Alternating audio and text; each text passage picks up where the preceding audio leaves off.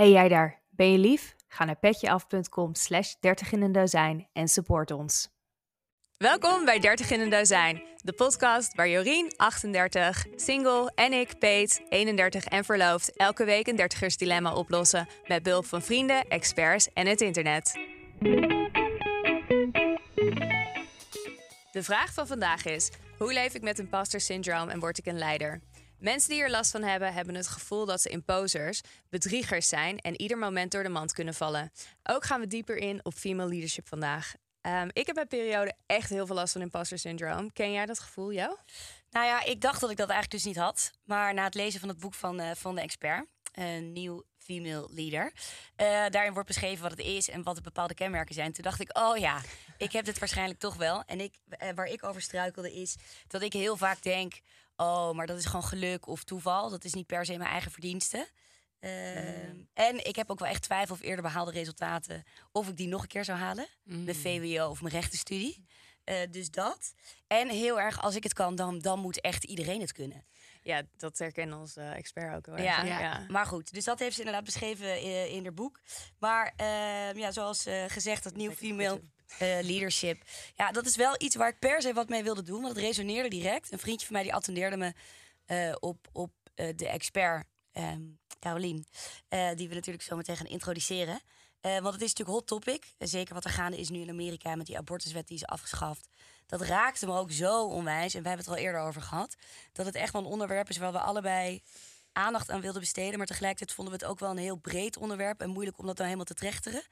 Want het heeft toch iets met ja, uh, feminisme, uh, vrouwelijk leiderschap, uh, dolle mina's, veel schaamhaar. Weet je, je, je, komt, je stuit direct ook op weerstand. Vaak altijd van mannen. Gisteravond had ik het ook met, met, met wat mannen erover. Nou, dan zie je weer gewoon mannen zeggen: joh, jullie moeten je allemaal niet zo aanstellen. En er is helemaal geen sprake van een glazen plafond. Ja. Het is toch een dingetje. Ja. Maar goed, we gaan er zo meteen wat dieper op in. Want ik ben echt wel ook geschrokken van bepaalde dingen die je in je boek beschrijft. Uh, en wat een heel belangrijk thema is, is authentiek, wat je beschrijft in het boek. En dat is ook echt wel een thema waar ik nu zelf heel erg mee bezig ben. Uh, dat ook een van de redenen waarom we ook deze podcast doen. Omdat we juist heel erg authentiek willen zijn. Dus nee, ik heb eigenlijk heel veel zin in deze aflevering en ik ben heel benieuwd. En jij? Leuk. Um, ik heb met oprecht plezier geluisterd naar het boek, Caroline. Um, dus ik heb heel veel zin om erover te praten. Ik heb dus het luisterboek um, geluisterd. Want zoals leest, luisteraars ondertussen weten, hou ik ervan als boeken worden voorgelezen door de schrijver. Mm -hmm. maar ik heb het boek ook gekocht zodat ik de opdrachten gemakkelijker kan doen en, en notities kan maken.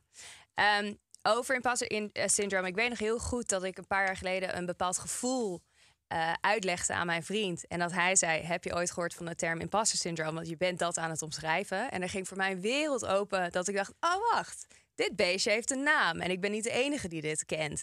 En je kan hier gewoon aan werken. En zodra je, naar mijn mening, iets kan identificeren, dan kan je daar ook gewoon aan werken. En als je weet dat je niet enige bent, worden dingen ook al makkelijker. Dus ik was heel blij dat ik in één keer wist wat het was en dat het heel normaal is. Dat ik niet de enige ben die daar um, mee dealde. Um, bij mijn vorige bedrijf had ik een team van zes man. Dus dat brengt veel verantwoordelijkheid en daarmee imposter syndroom met zich mee. Maar ik denk dat als je een goede manager bent en een goede manager hebt, je daar echt wel heel goed doorheen kan werken.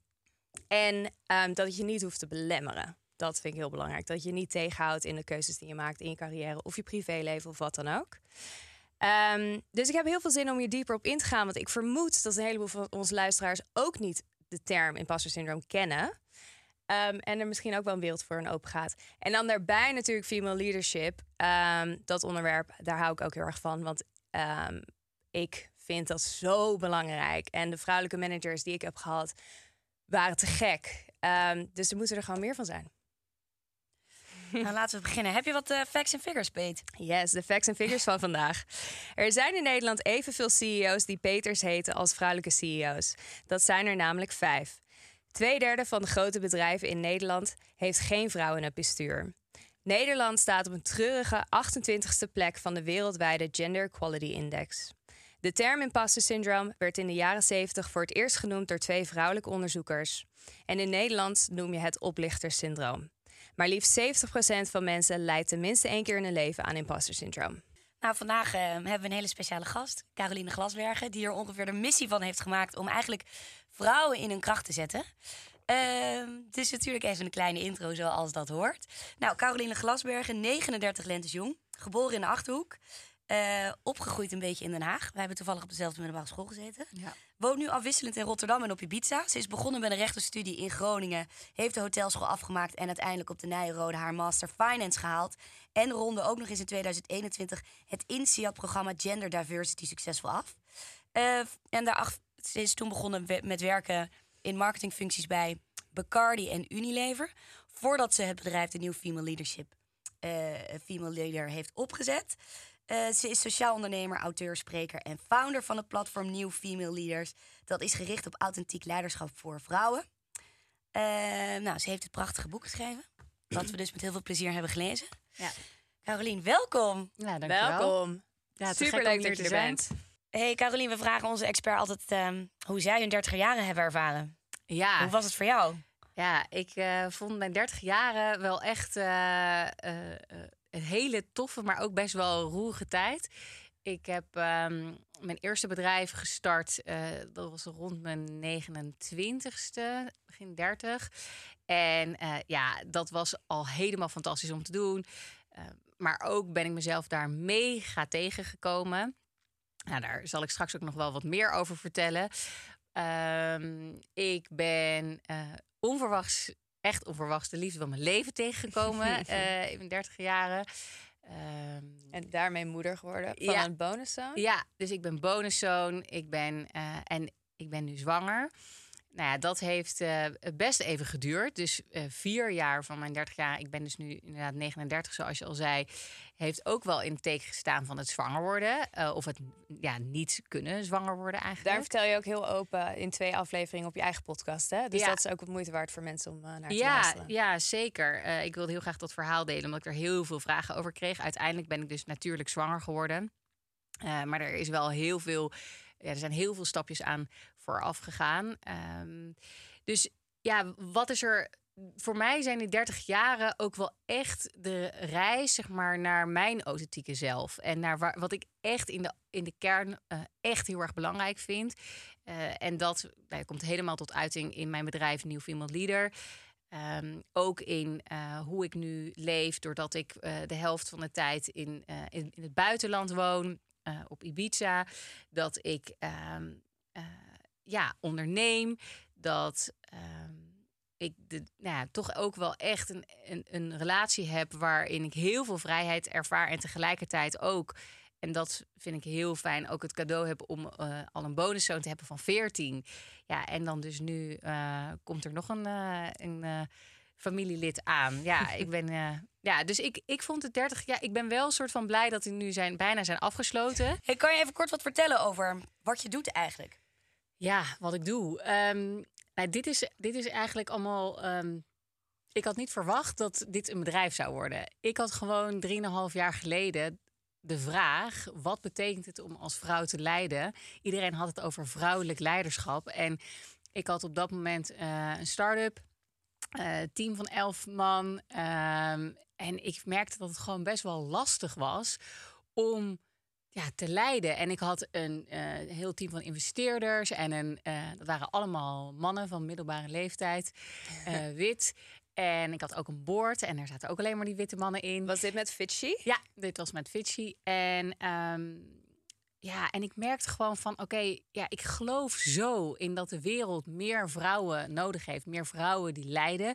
Die niet alleen meer vrouwen, maar ook vooral meer feminine waarden in leiderschap.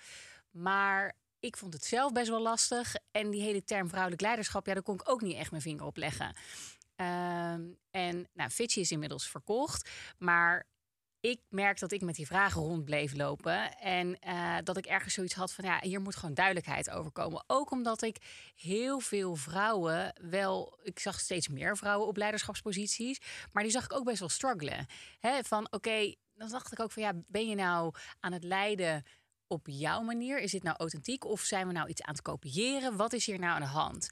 En uh, dat is eigenlijk het moment geweest dat ik um, dacht, weet je, ik ga dit onderzoeken. Dus ik ga dit bij de universiteit onderzoeken. En ik ga mijn PhD doen. En la la la. En toen dacht ik eigenlijk, ja, hoezo zou ik dat nu in een kamertje drie hoog achter allemaal een beetje gaan uitzoeken? En dat, ja, dat iemand, weet je, over vier jaar dat ik dan zo'n rapport heb. En dat iedereen denkt, ja, eh, oké, whatever. Weet je wel, het staat misschien één keer in een krant of zo. En daarna, Ja, en eh, de titel. ja, weet je, dat was het dan. Eh, En dacht ik, nee, weet je, ik ga dit gewoon delen. En dat is de start ge- eh, geweest van de New Female Leaders podcast. En dat was echt dus puur een onderzoek van, oké, wat betekent het nou om als vrouw te leiden? Hoe maak je nou impact? Ehm, en Want je bent 120 vrouwen gaan interviewen, hè? Ja, ja, want hoe, hoe leid jij? Wat Ja. maakt jou een goed leider? ja, ja, dus dus die inderdaad. onderzoeken, die resultaten heb je nu allemaal geanalyseerd en opgeschreven, toch? Ja, klopt. Dus ehm, dat is eigenlijk eh, nou ja, dus begonnen met gewoon eh, eh, met vrouwelijke leiders praten. Totdat ik op een gegeven moment bij de 70 was of zo.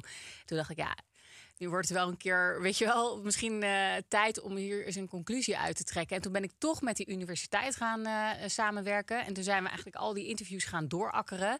En gaan kijken van, nou oké, wat is nou de gemene deler eigenlijk tussen al deze interviews? Voor mij was heel duidelijk, maar dat, dat werd het ook wel gaandeweg, al die interviews. Ik, weet je, ik heb dan bijvoorbeeld eh, van, van een Nina Pierson tot grote tech-ondernemer Janneke Niese tot eh, eh, Sigrid Kaag tot aan. Nou, ik heb heel veel, echt heel veel verschillende vrouwen gesproken. En ehm, daar kwam eigenlijk al heel snel dat ik dacht, ja, weet je, deze leiderschaps. ehm, stijlen en hoe deze vrouwen zijn, weet je, dat lijkt helemaal niet op elkaar. Weet je, een super breed spectrum. Dus, dus hoezo vrouwelijk leiderschap? En dat kwam er eigenlijk ook al heel snel uit, uit onze analyse van, nou ja, dat hele vrouwelijk leiderschap, dat bestaat helemaal niet. En wat mijn nou ja, theorie is, of mijn visie eigenlijk, is dat vrouwelijk, dat woordje vrouwelijk, dat hebben we er aangeplakt aan leiderschap, omdat we eigenlijk, als we denken aan een leider, nog steeds niet denken aan een vrouw, maar nog steeds denken aan een man. Ja. En dat is gewoon in 90% van de gevallen is dat zo. Ja, dus Oh, en daarom ik heb je... er meer naar met dat het belangrijk is om er vrouwelijk voor te zetten, omdat het zo niet voor, vanzelfsprekend is. Maar uit jouw onderzoek komt het dat het meer is omdat me- mensen leiderschap met mannelijk. Ja, dus eh, het is, nou ja, eigenlijk is het dus inderdaad niet vanzelfsprekend dat een vrouw leidt. Ja. Dat een vrouw impact maakt. Dat een vrouw eh, een land leidt, een, een politieke partij, een, eh, een bedrijf. nou, hey, dat, dat, dat ze ondernemer is. In 9 van 10 gevallen is het toch zo dat we denken aan een man. En omdat er wel steeds meer vrouwen gaan leiden en steeds meer vrouwen bedrijven leiden en, en, en, en ehm, nou ja, politieke partijen leiden, eh, zijn we nu steeds, hebben we zoiets van ja, hoe gaan we dat passend maken? En dat is dus door het bijvoeglijk naamwoord vrouwelijk toe te voegen. Ja. Maar eigenlijk, als je erover nadenkt, is dat gewoon weer een hokje waar we al die vrouwen zo induwen van ja, dan, dan doe jij vrouwelijk leiderschap. Maar ik kan je vertellen dat het dat ehm, de visie op leiderschap en ook hoe ze dat leiderschap invullen van al die vrouwen, dus in, inderdaad inmiddels 120, eh, die ik heb gesproken, echt compleet uit elkaar ligt. Dus ja, eh, dat hokje, dat slaat helemaal nergens op. Nee. Dus wa- wat ik ook heel graag wil, is dat we het niet meer hebben over vrouwelijk leiderschap. En dat hè, nieuw female leaders, dat we het ook helemaal straks niet meer hebben over female leaders. Nee. Het enige is, we moeten het er wel over hebben, want het is nu nog zo ongewoon. En er zijn zoveel onbewuste vooroordelen en biasen die ervoor zorgen dat A, vrouwen eh, niet worden gezien als leider. B, ze dus ook veel minder snel worden gekozen als leider. En C, dat ze dus ook veel meer moeite hebben om eh, het op een authentieke manier te doen. Omdat van ze wordt verwacht dat het nog steeds wordt gedaan op de oude manier zoals we kijken naar leiders.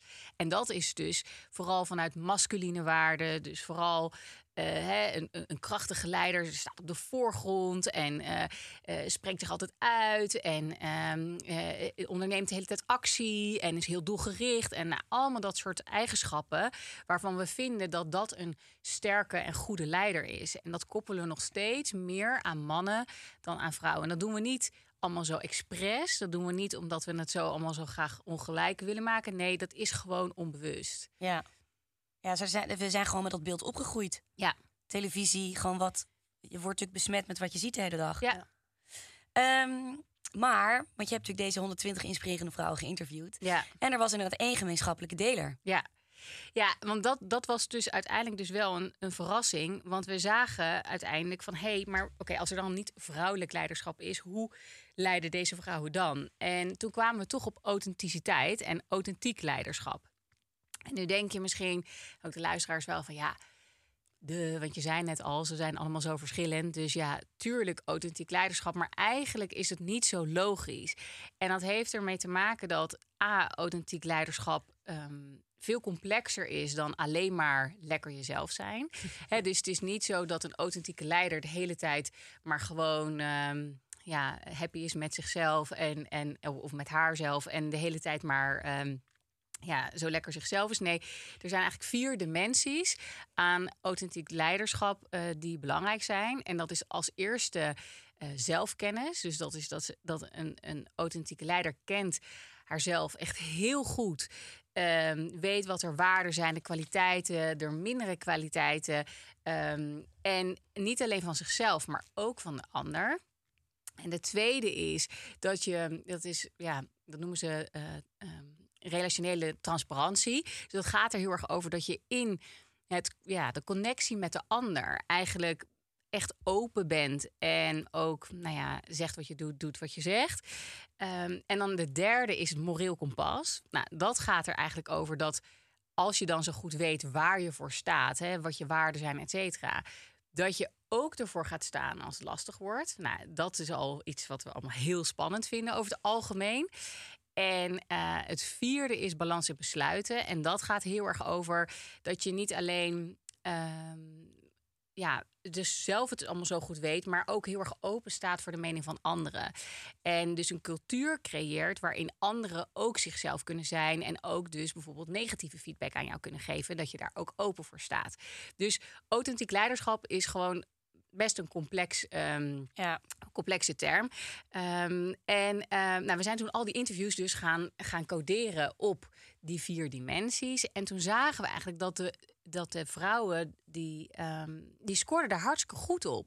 En dat was dus raar, omdat... Nou, en dan kom ik even terug bij mijn eerdere punt. We als we aan een leider denken, nog steeds aan die man denken met die masculine waarden. Maar tegelijkertijd hebben we in onze maatschappij ook nog steeds een heel erg beperkt vrouwbeeld. En dat, en dat is namelijk dat vrouwen niet te veel op de voorgrond moeten zijn. Dat ze vooral moeten luisteren. Uh, dat we um, niet. Um, uh, ja, niet, niet te veel ambitie, uh, nou, et cetera, et cetera. Nou, als jij dus als vrouw gaat leiden, dan Um, dan zit je dus tussen die twee beelden eigenlijk in. Dus dat noemen ze het double bind dilemma. En dat is eigenlijk van je kan het nooit goed doen. Het is gewoon ja, een catch 22. Want als jij namelijk je gaat aanpassen aan dat beeld van een goede leider, ja, dan nou, dat kennen we ook allemaal. Dan noemen we vrouwen vaak een bitch. Oh, die heeft haar op de tanden. Nou, die zal wel geen relatie hebben, geen kinderen, want uh, hè? Ja, en ook in jouw boek beschrijven dat vrouwen niet boos mogen worden. Ja, want ja. dat vond ik ook zo verpand. Toen dacht ik, ja, dat is wel waar. Ja, dat stel je voor dat vrouw. Iemand, ja, oei, oei, dat Hillary Clinton ja. er altijd voor gewaakt heeft om dus niet inderdaad de boze vrouw te zijn. Ja. Mm. Echt heel bizar vond ik ja, dat. Dus, dus, dus een boze vrouw, zeg maar, die, die, hè, dat zou op zich wel goed passen bij een sterke leider. Hè? Die slaat een keer met zijn vuist op tafel en zo. Maar als het een vrouw is, ja. nee, dat vinden we niet passen. En dus Uh, als een vrouw zich aanpast aan het beeld van die, van die krachtige, sterke leider, dan, dan wordt ze altijd uh, afgerekend op het feit dat ze geen tussen aanhalingstekens goede vrouw is. Maar Ga je zeg maar meer voldoen aan dat vrouwbeeld? Hè? Ben je lief, zacht, vriendelijk en, en, en luister je zo goed en empathisch en lange termijn, et cetera, et cetera? Ja, dan ben je misschien toch net weer geen leiderschapsmateriaal. Ja, het is inderdaad een catch-22. Ja. Maar ik betrap me er zelf ook op hoor. Inderdaad, gewoon van die conservatieve, ouderwetse ideologie en denkbeelden... waarmee we natuurlijk zelf ook gewoon zijn opgevoed. Absoluut. Ja, maar weet je waar ik me daar wel heel erg altijd aan vasthoud? Iemand, ik heb dat ooit een keertje gelezen. Iemand die zei: You're not your first thought. En jij beschrijft ook iets vergelijkbaars in je boek. En daar hou ik me heel erg aan vast. Want het klopt, we worden met bepaalde dingen opgevoed. We zien een heleboel dingen in de maatschappij.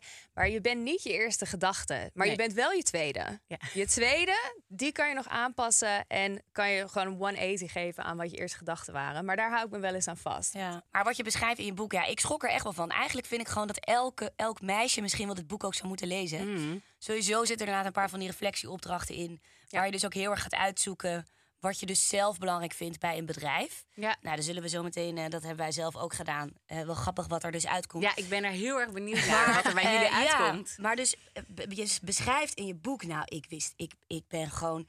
Nou, dus voor 1919 eh, mochten we nog niet stemmen. Nee, Voor 1956 waren vrouwen niet, handelen, ja, niet handelingsbekwaam. niet handelingsbekwaam. En eh, pas na 1956 werden vrouwen niet meer per definitie ontslagen als ze getrouwd waren. Ja, maar dat En- gebeurde toen nog wel, nog steeds. En het allerergste vind ik gewoon dat sinds 1991 is het mannen pas officieel verboden hun echtgenoten niet langer eh, niet te verkrachten. Ja. Echt absurd. Dit waren ook jaargetallen waar ik geen idee van had. 91. Ja, ja. echt absurd.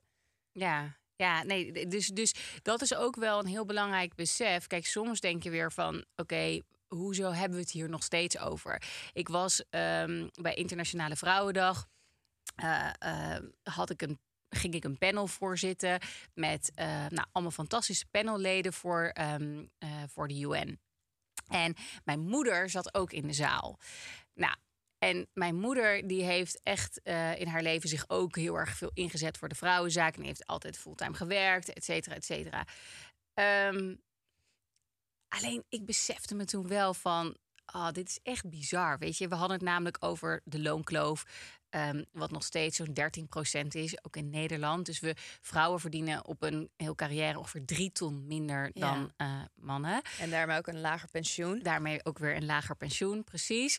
Ehm, we hadden het over het, het glazen plafond, dat er wel degelijk nog steeds is. Eh, en ik dacht wel, jeetje, weet je, mijn- moeder heeft hier al, weet je, die had hier ook mee te maken. En dan sta ik daar, zeg maar, wijs van 50 jaar later, sta ik dit gewoon weer Ja. zo'n panel te begeleiden. Ja. Ik bedoel, hoe, hoe kan dit? Ja. En tegelijkertijd is het dus, als je naar die cijfers kijkt, is het ook wel weer zo dat we ook van heel ver komen. Dus dat het ook wel zo is, kijk, ehm, dat als je. En dat geldt denk ik ook voor de luisteraars. Als je eens vraagt aan je moeder van... eh, ja, hoe was het voor jou? Weet je wel, eh, nou, weet je, eh, kon, je studeren, mocht je studeren? of was het helemaal niet aan de orde? Ehm, eh, heb je, of, of misschien wa- was je de eerste? Ehm, zijn er dingen, ja, inderdaad, ben je gestopt met werken, minder gaan werken? Moest dat? Had je het gevoel dat die druk er was? Dat soort zaken. Als je daar eens met je moeder over spreekt, dan, dan kom je er wel achter dat ehm, ja, we binnen één generatie ook wel weer best hele mooie stappen hebben gezet. Maar dat we tegelijkertijd het ook logisch is dat we nog veel te doen hebben. Want het is maar één generatie.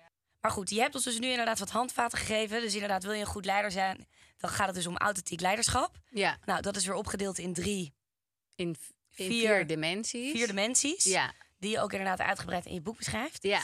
Ehm, Nou ja, want, want, want ik denk dat je eh, bedoelt, is dat hoe kan het nou dat deze vrouwen uiteindelijk wel authentiek leiden? Want Ja. dat was natuurlijk een hele gekke conclusie van, oh ja, deze vier vrouwen, of eh, de- deze vier dim- dimensies zijn dus eigenlijk veel lastiger eh, in te vullen voor vrouwen omdat we dus in dat double bind dilemma zitten. Hoe kan het dat die 70 vrouwen op dat moment en nu 120 vrouwen dat toch wel doen? Nou, en toen ben ik eigenlijk weer opnieuw gaan kijken naar al die gesprekken. En kwam ik eh, op een model, en dat noemen we het 3C-model: Clarity, Connection en Community. En dat zijn eigenlijk de drie pilaren die ik constant terug zag komen in, nou ja, eh, het, ehm, in, de, in het gedrag, in de visie, in het supportsysteem. Hoe het leven zeg maar, van deze vrouwen was ingedeeld. Want je moet je eigenlijk voorstellen dat we hebben dus een systeem ehm, waarin we allemaal opgroeien, met, waar we allemaal ehm, leren wat nou ja, normaal is. Hè? Dus, eh, en, en we hebben ook allemaal het idee dat we daaraan moeten voldoen. Ehm, en daar hoort dus ook dat vrouwbeeld bij. Op het moment dat je dus als vrouw iets anders gaat doen, namelijk je gaat wel eh, eh, een bedrijf leiden of, eh, of je gaat wel doorstomen tot de top of je gaat wel ehm, eh, die wereldreis maken of whatever. Je gaat, het echt, je gaat echt je eigen authentieke weg. Dan moet je dus behoorlijk stevig in je schoenen staan. Daar komt het eigenlijk op neer, want je gaat tegen het systeem in. En ik Ja. weet, jullie hebben het hier ook al vaker over gehad. Weet je, ehm, we willen als mens heel graag ergens bij horen. Dus het is best wel een uitdaging. ehm, en het kan ook best wel onveilig voelen om tegen het systeem in te gaan. Om echt je eigen authentieke weg te gaan. En ehm, om dat te doen, hebben ze dus eigenlijk die handvatten of die drie pilaren. En dat zijn clarity, connection en community. Ja. En wat daar precies onder valt, daar zullen we het zo denk ik nog wel over hebben. Ehm, en, op, en daar gaat eigenlijk het boek over. Omdat ik geloof dat als je dus die handvatten hebt... en dat zien we dus ook. We hebben ook een leiderschapsprogramma... waar dat dus ook in wordt geïmplementeerd. En je ziet ook dat als je dus hiermee aan de gang gaat... dat je dus daadwerkelijk in staat bent als vrouw om eigenlijk los van dat bestaande systeem, gewoon dikke middelvinger, je eigen weg te gaan. En dat is waar ik van geloof dat de wereld echt beter van wordt. Ja. En dat uiteindelijk zeggen dan mensen tegen mij: ja, maar dat geldt toch voor iedereen? Ja, natuurlijk. Iedereen eh, heeft, nou ja, zal ik maar zeggen. Recht op een authentiek leven. Of ik, ik geloof zelfs dat het echt de bedoeling is dat van het leven.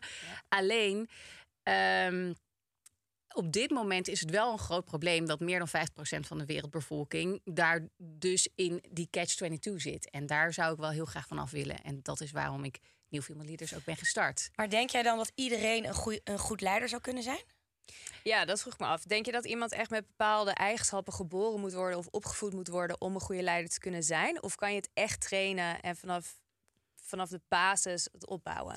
Nou ja, kijk, het hangt er natuurlijk helemaal vanaf hoe je leiderschap definieert. Ik heb dat voor het boek ook echt gezegd van... oké, uiteindelijk is een leider iemand die een groep mensen... naar een bepaalde ehm, doelstelling of richting ehm, ehm, ja, meebeweegt, zeg maar. En ja, dat kan je doen eh, in een bedrijf. Dat kan je doen eh, als leider van een land. Maar dat kan je ook doen binnen je familie. Of dat kan je Ja. ook doen bij je sportclub.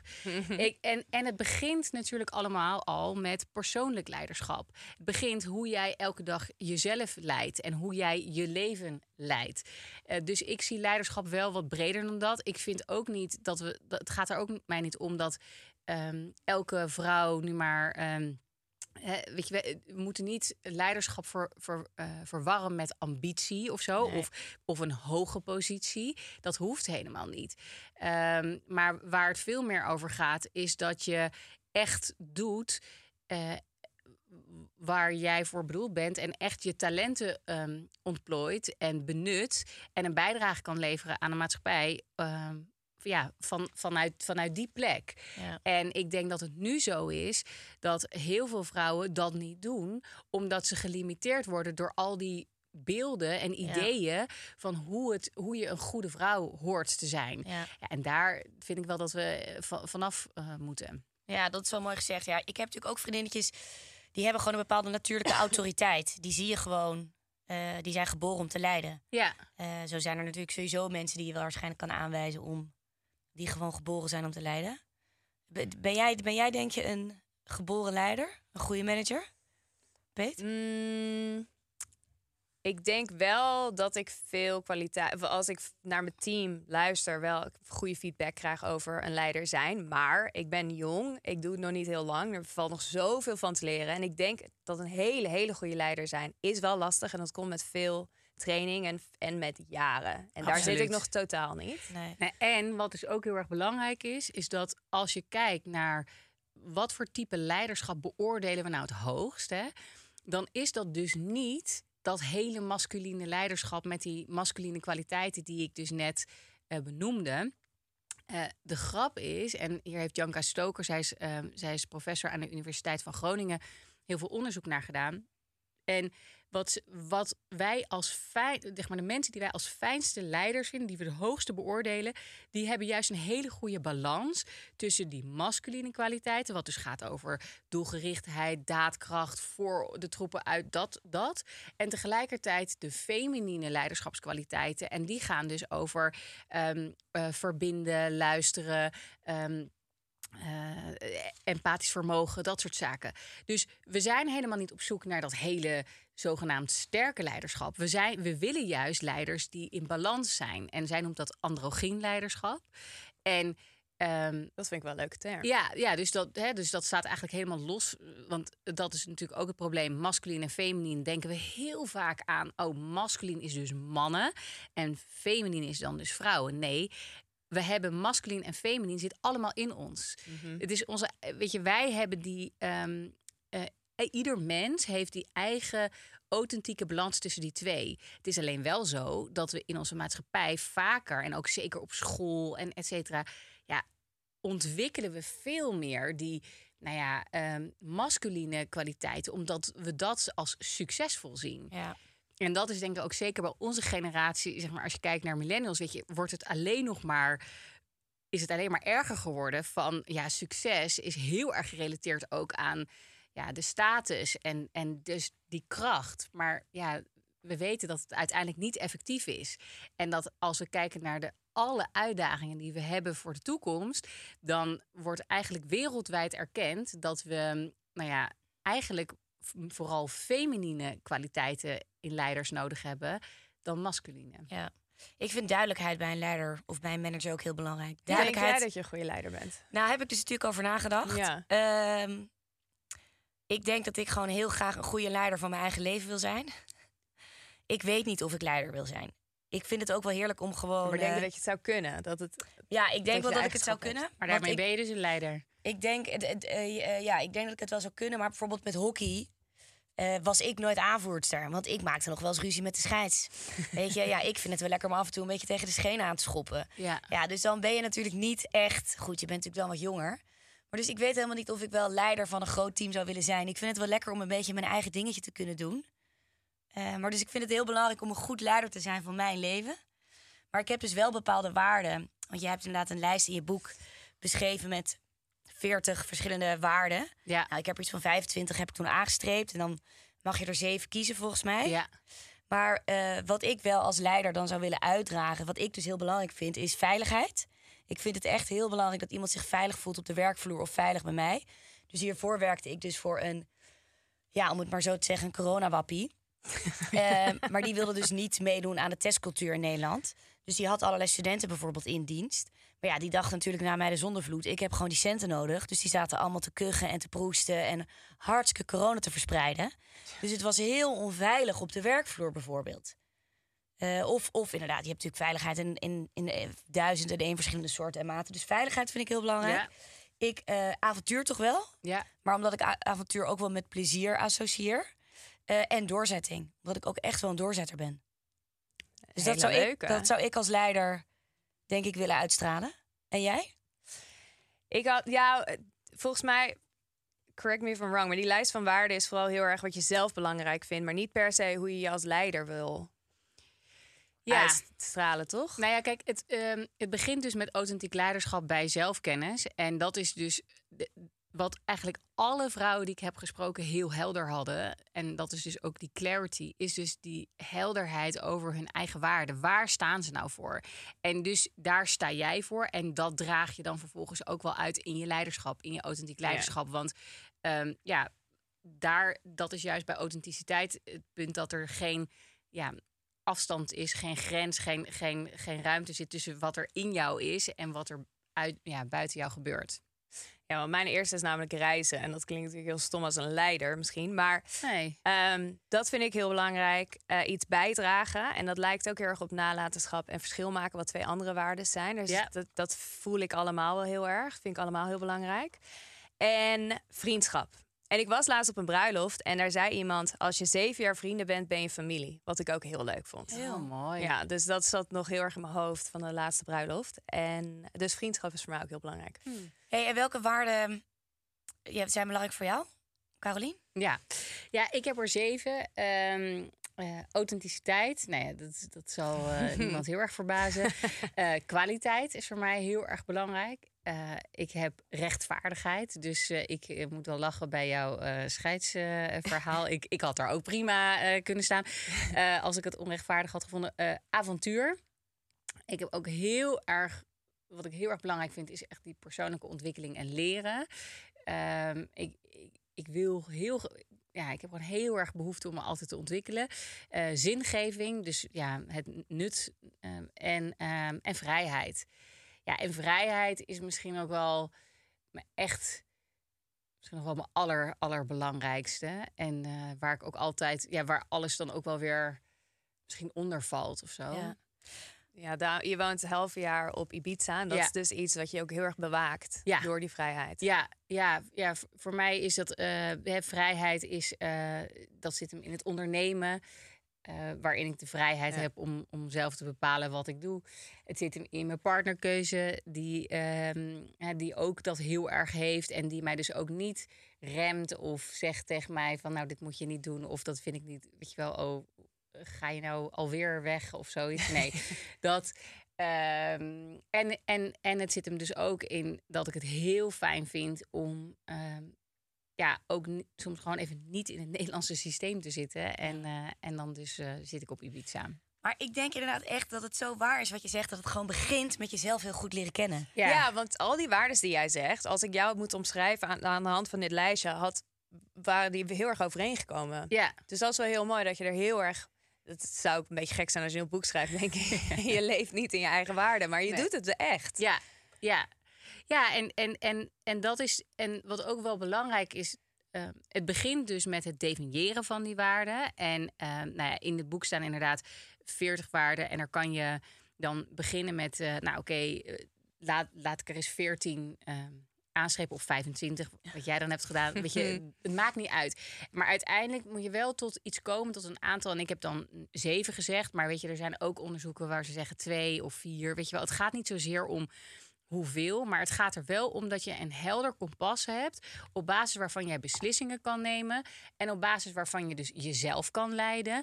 En ook anderen. En dat je daar dus ook heel omdat je het zo helder hebt, dus ook heel duidelijk over kunt communiceren. En ook goed weet waarom je dan die waarde hebt. Weet je, wa- wat zit daar dan achter? Dus er zit, het is nooit een soort plat woord. Er zit altijd Ja. emotie achter. Maar en ik betrapte me dus ook, dus, dus met het aanstrepen van al die waarden, dat ik sommige eh, dus ook aanstreepte omdat ik dat van me verwacht werd.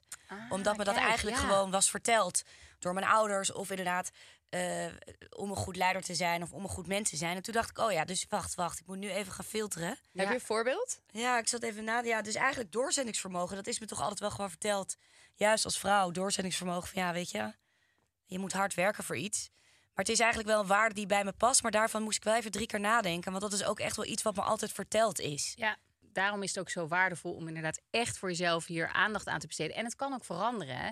Dus het kan ook zijn dat er door een bepaald levensevent eh, eh, ja, dingen kunnen gaan verschuiven. Of dat je denkt, nou, misschien vind ik eigenlijk nu, ik zeg maar wat, familie belangrijker dan dat ik het vroeger vond of zo.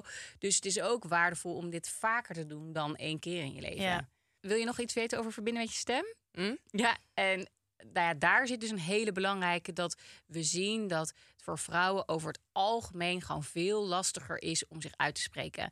En dat heeft er ook mee te maken omdat we dat dus van vrouwen niet verwachten. Dus, ehm, nou ja, en ja, wat doen we eigenlijk? We, als een vrouw gaat praten, ehm, we onderbreken haar twee keer zo snel als een man. Ja, vond ik ook schrikbarend toen dat las. Dus dat is gewoon wetenschappelijk onderbouwd. We eh, onderbreken mannen pas na 24 worden en vrouwen na 12. En dat doen niet alleen mannen, dat doen ook vrouwen, dus naar andere vrouwen. Hè? Dus het is gewoon een. Wij, en dat ergens zit er dus in ons onbewuste. Ja, nou ja, wat zij nu gaat zeggen, dat kan bijna niet van waarde zijn.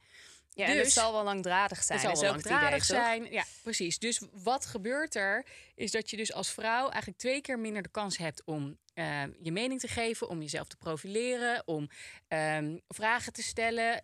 Wat nou juist allemaal zo ontzettend belangrijk is ehm, als je ehm, nou ja, wil worden gezien als leider. Ja. En het is heel grappig, want ik kom bij heel veel bedrijven en we doen daar dan vaak onderzoek. En dan kijken we ook van, oké, wat is nou het, de perceptie van mannen en vrouwen in het bedrijf? En hoe ervaren ze nou ehm, in hoeverre ze authentiek kunnen zijn en authentiek kunnen leiden? En dan stellen we ook altijd de vraag, ehm, in hoeverre is het moeilijk voor jou eh, om jezelf uit te spreken? Dan splitsen we die data op gender. En wat zie ik elke keer weer, is dat in elk bedrijf vrouwen het veel moeilijker vinden, veel lastiger vinden om zich uit te spreken. En dat zijn echt bedrijven die dit al heel serieus nemen, hè? die best place to work zijn en, en weet ik veel wat allemaal. Dus het is nog steeds iets wat gewoon onbewust gewoon heel erg speelt en waar het bij vrouwen, we, we vinden het zelf lastig, want we we durven het eigenlijk niet, want we, het wordt niet van ons verwacht. We zijn niet zo opgevoed. En tegelijkertijd is het ook onze neiging om vrouwen gewoon heel snel te onderbreken. Wat was, eh, dit onderzoek was voorgelegd aan Rutte. Want je ziet het dus heel erg tijdens verkiezingen, waar inderdaad dus dan mensen met elkaar Ja. in debat gaan, dat vrouwen dus meer worden onderbroken. Ja. Zoals Kamala Harris, maar die zegt dan, I'm speaking now. Maar Ja. Rutte had ook best een gekke reactie erop. Wat had hij nou gezegd? Oh, dat weet ik niet eens. Ja, maar iets over langdradig, Ja, toch? ja, maar Over- ze praten ook zoveel. Oh, en dan uit dat onderzoek was- was weer gebleken dat vrouwen eigenlijk helemaal niet meer praten dan mannen. Nee, klopt. Eh, maar dit is, dit is ook eh, dit is de reactie geweest ook van ehm, de voorzitter van het Olympisch Comité uit Japan. Oh ja. En hij werd inderdaad ehm, hierop eh, aangesproken. En dit was inderdaad zijn reactie. En inderdaad, onderzoek laat zien dat vrouwen helemaal niet meer spreken. Sterker nog, in zakelijke context spreken mannen heel veel. Ja. En dat weten jullie vast ook wel. Dat je soms in een meeting zit en dat je denkt... Ja, Ja. Hey, ehm, laten we naar het imposter Ja. gaan. Want jij ging daar helemaal op aan, Peet, tijdens de voorbereidingen. Jij zei, hier moeten we wat mee doen. Ja, meer omdat ik dus al zelf al een paar jaar weet wat het is en hoe je het kan herkennen en daardoor het ook een beetje kan bevechten. Maar ik denk een heleboel mensen niet. Dus ik wil hier al heel graag, al een tijd lang graag een aflevering aan wijden. En het is een beetje lastig om te vinden wie heeft er dan veel verstand van. We hadden nooit iemand echt gevonden waarvan we dachten, ja, hiermee willen we echt heel graag erover praten. Totdat jouw boek langskwam. ja. Ehm, ik heb in de intro even kort uitgelegd wat het is. Wil jij er nog wat dieper op ingaan? Ja, nou, het imposter syndroom is eigenlijk het gevoel wat je hebt dat je, ja, ze noemen dat een fraudeur bent. Dus dat je, ehm, nou ja, dat je wel doet alsof eh, je het kan of eh, dat je het allemaal weet, maar eigenlijk heb je constant het gevoel, ja, ik, ik weet het, weet je, binnenkort gaan ze me echt ontmaskeren. Binnenkort gaan ze gewoon doorhebben dat ik hier helemaal niks van weet, dat ik hier helemaal niks van kan, eh, dat ze me inderdaad zo kunnen vervangen. Ehm, want ja, ze denken het misschien wel, maar het is echt niet zo. Ondanks dat je die resultaten supergoed zijn, eh, ondanks dat je ook van anderen complimenten krijgt, Ja. je gelooft het eigenlijk niet. En je hebt zelf geïnternaliseerd van, ja, eh, het, het kan eigenlijk niet waar zijn.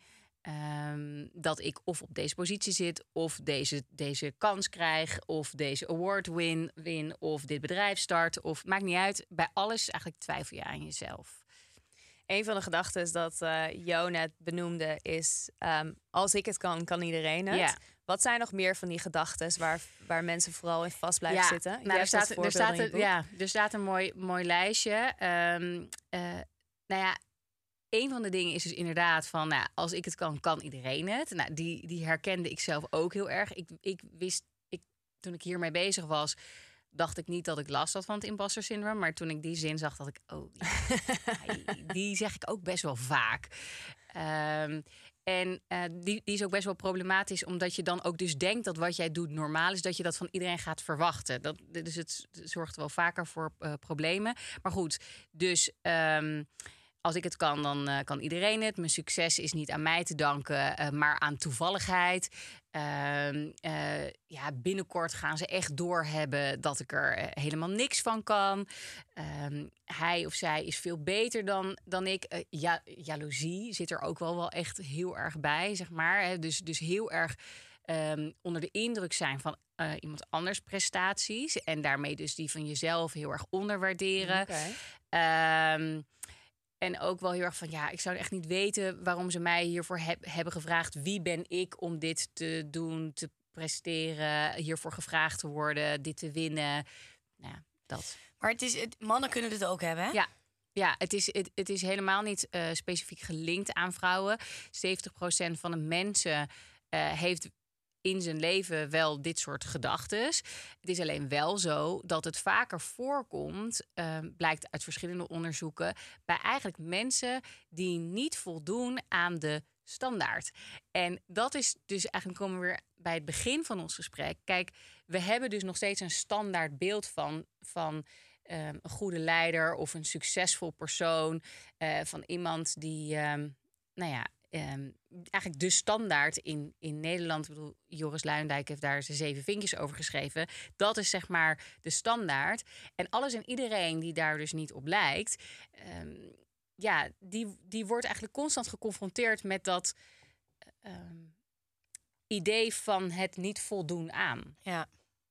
Wat zijn de consequenties als je aan imposter syndroom lijdt? Ja, dat, dat kan best wel ver gaan. Weet je, als ik bijvoorbeeld voor mezelf spreek, ik heb echt wel dingen niet gedaan of ben pas later gaan doen, eh, omdat ik bang was. eh, ja, wat anderen ervan zouden vinden. Of nou ja, vooral dus. ehm, ja, wie, wie ben ik nou om dat te doen? En het voorbeeld wat ik ook in mijn boek geef is dat toen ik begon met mijn start-up, het heel logisch was om alvast een social community op te bouwen. Maar ik echt no way op social media durfde. was toen eh, eh, 2013 toen ik dat zeg maar begon op te bouwen. Ehm, ja, ik, ik ging dat echt niet doen. Ik wist niet, eh, sowieso dacht ik van wie zit er te wachten op een foto van mij. En het, en, en het andere is, ja, wat moet ik er dan bij zetten? Echt geen idee. En dat, daar was ik echt heel erg, dat is een heel, lijkt een heel triviaal eh, voorbeeld van, ja, boeien, social media. Maar eigenlijk heeft het ervoor gezorgd dat ik dus niet al een hele community had opgebouwd toen ik mijn bedrijf ging starten. Nou, dat was wel lekker geweest. Ja. Nu moest ik vijf keer zo hard werken. Dus dat is een mooi voorbeeld, persoonlijk voorbeeld. Maar eh, hè, het kan zijn dat je, ehm, je, je, je, je voelt je donkerder, depressiever. Ehm, je gaat minder snel om die loonsverhoging vragen. Je gaat misschien wel weg bij een bedrijf, omdat je denkt, nou ja, eh, ik, ik denk niet dat, dat ik die volgende stap hier kan maken. Ja, nee zeggen tegen een promotie. Ja, weet je, gewoon echt letterlijk inderdaad nee zeggen tegen kansen die er worden geboden, omdat jij zo aan jezelf twijfelt. Nou, en dat zijn eigenlijk allemaal voorbeelden van consequenties. En daarom is het dus ook een heel serieus iets wat door bedrijven ook moet worden erkend. Omdat het dus eh, echt eh, ja, ehm, diversiteit en, en, en, en potentieel gewoon ja, heel groot verlies is van kwali- kwaliteit in je, in, je, in je bedrijf, in je organisatie is. Ik vind wel de naam met syndroom wel Ja. een beetje dramatisch. Ik ook. Want het is een mega negatief woord. Terwijl het helemaal niet negatief hoeft te zijn als Nee. je het voor jezelf kan identificeren. Want het is natuurlijk, het komt op wanneer je buiten je comfortzone werkt. Of wordt gevraagd om te, in te stappen. Ja, Wat helemaal niet erg is. nee. Ehm, het betekent dat je gewoon lekker bezig bent en veel aan het leren bent. Dus het hele syndroom, daar moeten we eigenlijk wel van af. Waar, waar, waar heb jij er wel eens last van gehad? Ik had op een gegeven moment bij één baan had ik er last van. En toen moet ik zeggen dat ik toen naar een andere baan ging. En toen dacht ik wel, bij dat andere bedrijf dacht ik, ik ben hier echt goed in. Of nee, dat was trouwens een promotie. Toen dacht ik op een gegeven moment, wacht. Ik weet echt oprecht wat ik aan het doen ben. En ik ben de juiste persoon voor deze baan in dit bedrijf. En dat gaf me een enorme boost. En nog steeds was ik heel erg uitgedaagd in de baan. Maar het gaf wel ehm, heel veel zelfvertrouwen, wat ik fijn vond. Terwijl dus in een andere baan had ik wel, dacht ik, hmm, ben ik hier de aangewezen persoon voor. Ehm, ik ben hier helemaal niet goed in. En ik had het ook toen ik onderneemde vroeger. Dus ja, nee, ik heb het zeker ondervonden. Maar sinds ik dus weet dat het bestaat, kan ik die gedachten ook veel beter reguleren. Ja, precies. Want dan heb je door van oké, ik ben mezelf nu aan het klein maken. Ja, En, daar en doe ik klein me- houden En klein houden. En daar doe ik mezelf totaal geen eh, plezier mee. En het heeft er ook mee te maken dat we in onze maatschappij eh, heel erg denken aan ehm, dat falen niet goed is. Hè? Ja. En, en ehm, nou ja, zeker als eh, ondernemer, maar eigenlijk überhaupt, weet je, in het leven. ehm, als je geen fouten maakt, dan heb je ook helemaal niks geprobeerd in je leven. Eh, dus dus het, het maken van fouten is juist iets wat we heel erg mogen omarmen. Wat wel zo is, is dat je natuurlijk jezelf kan helpen door niet dingen zo ver op de klip te laten lopen dat de fouten zo enorm zijn dat je, weet je, dat, dat- maar, maar als je juist op kleine experimenten doet, om het zo maar te zeggen. Ja. Door gewoon te zeggen, nou weet je, ik weet niet of dit gaat werken, maar ik ga het gewoon proberen. Misschien, nou ja, dat was bijvoorbeeld hoe ik met mijn podcast ben begonnen. Ja, ik heb geen idee wat ik ga doen, maar ik ga gewoon met twee microfoons eh, eh, aan de bak.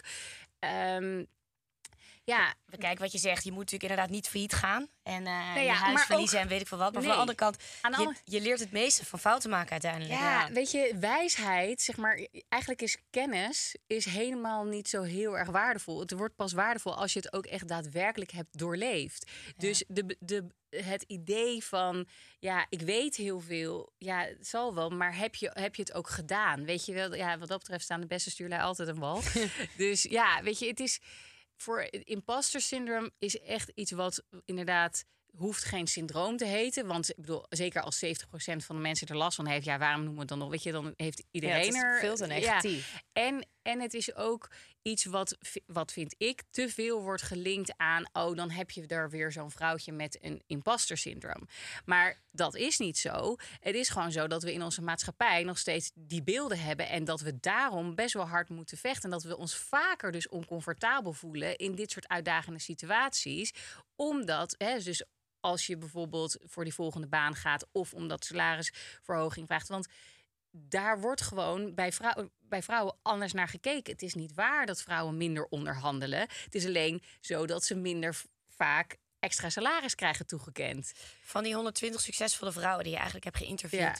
hadden, hadden die vrouwen ook af en toe last van het. eh Absoluut. Oh, gelukkig. Ja, nee, juist. Dus, zeg maar, dus het is ook helemaal, het is iets heel menselijks, weet je. Dus het is ook iets, zodra je die gedachte bij jezelf ehm, herkent, hè, van oh, mijn, mijn, mijn succes is niet aan mij te danken, of ik, eh, ehm, ik eh, word vast binnenkort onder, eh, on- on- onderschept, zeg maar. Ze hebben vast door dat, dat ik het niet kan. Ja, dan mag je bij jezelf ook wel denken: oké, dit is niet een helpende gedachte. Ik ga dit nu loslaten. En wat kan ik wel doen? En dat zijn dus kleine experimenten uitvoeren. Dat is dus door, nou weet je, fuck it, ik ga het wel gewoon doen, proberen. Maar ook gewoon als iemand jou iets vraagt: wil je deze promotie doen? Wil je deze stap zetten? Wil je je opgeven voor deze award? Wil je, eh, weet je, zeg gewoon ja. Ja. Heel veel Ja, vrouwen wordt niet zeggen voor gewoon, niks gevraagd. Nee, en, en, en als je weet dat je dit soort gedachten hebt, en dit is dus ook weer belangrijk, deze gedachten herken je pas bij jezelf als je A, dus weet dat het bestaat, Mhm. en B, ook af en toe een beetje de tijd en ruimte neemt om eens naar je gedachten te luisteren. Want we denken echt, ik weet het, 60, 90.000 gedachten per dag. En er zijn een heleboel heel negatief. De, weet je, de over de. En, en, en wat ook nog eens een keer zo is, dat, dat echt het overgrote gedeelte van al die gedachten zijn altijd dezelfde gedachten. Dus als je elke keer deze gedachte denkt, dan heb je een soort hersenpad, weet je, een enorme gleuf door je hersenen lopen, waar gewoon de hele tijd zo'n negatieve gedachte weer doorheen Ja. gaat. En als je dat doorhebt, dan kan je een keer ja, daar ook echt actief zeggen: Oké, ik hoor het, maar ik ga er niet wat mee doen. Ik ga er niet op acteren. Ik ga iets anders doen. Ja, je geeft eh, drie ehm, duidelijke ehm, voorbeelden wat je eraan kan doen als je Ja. daaraan lijdt. Ja. Ehm, eentje is dus door pe- per definitie ja te zeggen als mensen die dingen aan je vragen, promotie wordt, wat dan ook. Eentje is succesdagboek. Ja. Dus aan het eind van de dag, hoe klein of hoe groot ook het succes is dat je die dag hebt geleverd, dat je voor jezelf echt ziet dat je succes levert. En de laatste vond ik ook heel lekker, is jezelf afvragen, wat is het ergste dat er kan gebeuren? Absoluut. Want vaak is het niet. Je wordt niet op staande voet ontslagen als je een suggestie maakt in een vergadering. Nee.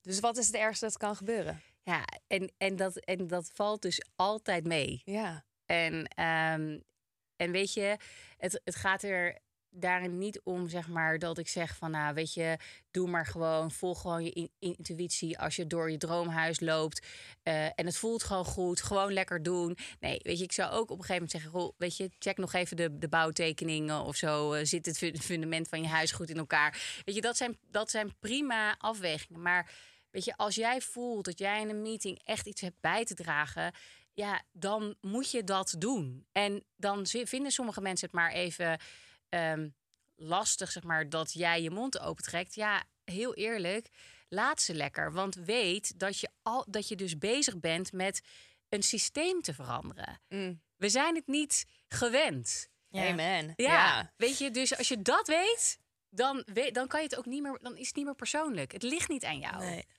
Nee, dat is het. Je moet het niet persoonlijk zien. hey, wat ik ook nog even wil aanstippen, want dat beschrijf je aan het einde van je boek, Ja. is, en dat, dat toevallig hebben Peter en ik het daar ook over gehad, eh, sisterhood. Nou, Ja. eh, er zijn ook echt genoeg vrouwen die elkaar het lucht niet, eh, licht niet in de ogen gunnen, hoor. Ja. En wat je ook beschrijft, dan hebben op een gegeven moment vrouwen die promotie gemaakt. Of die zitten Ja. inderdaad in de boord. Ja. En die gaan zich dan vervolgens gedragen als dus inderdaad die witte mannelijke leider. Ja. En uiteindelijk naar beneden trappen. ja. Wat is dat toch? Hebben, hebben jullie het wel eens meegemaakt? Ja. Ja. Ja, ja. ik kan daar ongeveer ja. Echt. Er is echt een speciaal plekje in hel voor dit soort vrouwen. En ik kan je er Ja, zo... altijd op- recentelijk trouwens. ja, ik kan je er zo tien Ja. geven. Ja. Eentje die terugkwam van zwangerschapsverlof. En natuurlijk merkte dat de dynamiek veranderd was. En die moest eventjes eh, ja, weer, weer de plasje overal doen. Even de territorium afbakenen. Verschrikkelijk. Ja. Gewoon totaal. Gewoon, nee, nee, ja, ik heb het heel vaak meegemaakt. Dat vrouwen inderdaad jaloers zijn en elkaar gewoon het succes niet gunnen. Want dan Nee. zijn ze bang dat dan dat zij, dat zij geen succes kunnen krijgen. Ja. Ja. ja, en nou ja, dit heeft ook weer alles. Ja, ik lijk af en toe wel een beetje een, eh, een plaat op repeat. Maar dit heeft dus wel te maken ook met, met het systeem waar we in zitten. Ehm, hoe komt het nou? Omdat we eigenlijk de, de groep vrouwen die zeg maar dus op leiderschapsposities zitten of bedrijven leiden of investeringen ophalen of maakt niet uit. Overal zijn we in de minderheid. Echt overal. Dus wat is het signaal daarvan? Is basically, oké, er is gewoon niet heel veel ruimte voor jou. Dus elleboogwerk, want als je daar wil komen, dan, dan, dan is het survival of the fittest. En dat ehm, zorgt ervoor dat dus we juist heel erg in die masculine kwaliteiten heel erg gaan staan. Dus hè, met die stalen neuzen doorheen rammen, zeg maar. Een competitie, gevoel van oké, eh, als, als zij het wordt, eh, nou, dan word ik het niet. De taart eh, is maar heel beperkt. En als ik een stukje heb dan, en het is groter, dan krijg jij een kleiner, et cetera. Dat heeft echt ermee te maken dus dat het, dat het nog steeds ehm, ja, ja, niet gewoon is, maar ook vaak onveilig is voor vrouwen om dat te doen. Wat gebeurt er als je eenmaal in die boord zit, hè, de- dat voorbeeld wat jij net gaf, en je bent de enige vrouw tussen allemaal mannen, dan is het eigenlijk praktisch niet mogelijk om authentiek te zijn. Dus ze hebben hier heel veel onderzoek naar gedaan en de, nou ja, de minimale aantal mensen van een minority, en ik doe ook echt even met mijn handen zo, hè, tussen aanhalingstekens minority, want we zijn met meer vrouwen op de wereld dan met dat mannen, maar never mind. Ehm, eh, dan moet er 30% van een minority in, in zo'n groep zitten. Ja. Nou, en, en dat is heel vaak niet het geval, zeg maar. Dus wat gaat er gebeuren? Om te overleven ga je ga je, je aanpassen. En dat is dus wat je heel veel ziet, is dat je, je bent eigenlijk naar boven geklommen door, doordat je je al hebt aangepast, doordat je eigenlijk nog meer in die masculiniteit bent gaan staan. En vervolgens zit je op die plek en wil je eigenlijk, en daar heeft Naomi Ellemers ook heel veel onderzoek naar gedaan, wil je eigenlijk ook niks weten van de groep waar je eigenlijk bij hoort. Dus dat wordt naar beneden trappen. Dus dat is eh, het Queen Bee syndroom, zoals het heet. En dat is dus wat je veel ziet. En eh, daarnaast hebben we gewoon op ongelooflijk veel parameters ehm, oordelen over vrouwen. Van uiterlijk tot hoe je je gezin, als je, of je een gezin wil, eh, of je, ja, eh, eh, of je, Hoe je dat runt, of hoe je, dat fulltime, runt. parttime werkt. Ja, of je voelt een part. Weet je, we hebben echt over alles, maar dan ook Ja, over alles een mening. Maar wat je dus wel ziet, is dat, dat op het moment dat je met andere vrouwen wel verbindt. En dus ook vanuit, ja, eigenlijk, nou ja, bijna misschien wel de kwetsbaarheid gaat zeggen van ja, oké, weet je, ik, ik heb eigenlijk best wel oordelen, ehm, maar ehm, ik wil wel, ik vind dit belangrijk en ik wil hier wat aan doen. Dan zie je juist dat die verbinding met andere vrouwen super belangrijk is en dat vrouwen elkaar wel gaan helpen. Maar het heeft er wel dus alles mee te maken met hoe veilig is het. Ehm, eh, en, eh, en ook, ja, ben je de enige of, eh, of ben je met meer? Ja. Jeetje. Hey, wij stellen altijd als laatste vraag: als je één takeaway zou kunnen meegeven aan de 30-jarige. En misschien moet het dan een beetje over die authentieke leiderschap en female leadership uh, houden. Ja, oké. Ehm, wat zou dat zijn? Eén takeaway. Eén takeaway is dat je, je realiseert in wat voor context je zit, in wat voor systemen zitten. En dat je, als je dat eenmaal ziet, dan kun je vanaf dat moment je eigen weg gaan. En vanuit jouw waarde, vanuit jouw intuïtie en ehm, met jouw supportsysteem, met jouw tribe, ehm, ja, echt jouw authentieke pad volgen. Dus laat je niet meeslepen door wat je denkt dat allemaal zo hoort en wat allemaal zo moet en wat je allemaal hebt meegekregen. Ga eerst eens voor jezelf afvragen: wat is hier nou eigenlijk om me heen aan de hand? Ben ik het daarmee eens? Eh, wil ik dat eigenlijk wel? En eh, vanuit daar eh, ja, ga helder krijgen waar je wel echt voor staat en van daaruit leven. Ja. Ja, Heerlijk. mooi. Mooi samengevat. Iedereen moet haar boek gaan lezen. Ja, want ik- New Female Leader. Maar ik denk gewoon dat echt... Leer jezelf kennen. Ja. Want dan weet je dus wat voor leider je bent en wilt zijn. En dan Ja. kan je ook dicht bij jezelf blijven. Ja. Het lijkt een pil, maar je, komt, je vliegt er echt doorheen. Ja. En die, ik kan het boek wel aanraden, want ik heb dus heel fijn naar je geluisterd. Maar ook het boek, want dan kan je meteen eh aantekeningen maken, dingen onderstrepen. Dus dat is wel heel fijn. Nou, te gek. Dankjewel. En ga vooral door met je missie, Caroline. Ja, Ja, ga ik heel zeker leuk. doen. Hey, lieve luisteraars, vergeet niet dat je alle afleveringen op YouTube kan bekijken. En volg ons op Instagram en TikTok, 30 in een dozijn. Zeker. Waar kunnen ze je vinden? Geef je website nog een keer. Nieuwfemaleleaders.org, nieuw.female.leaders op Instagram en Caroline Glasbergen. Fantastisch. Dankjewel. Dankjewel. Yes, dank jullie wel. Echt te gek. Dankjewel voor het luisteren naar 30 in een dozijn. Heb je vragen? E-mail ons naar vragen@dertiginendozijn.nl en volg ons op Instagram 30 in een dozijn. Doedels!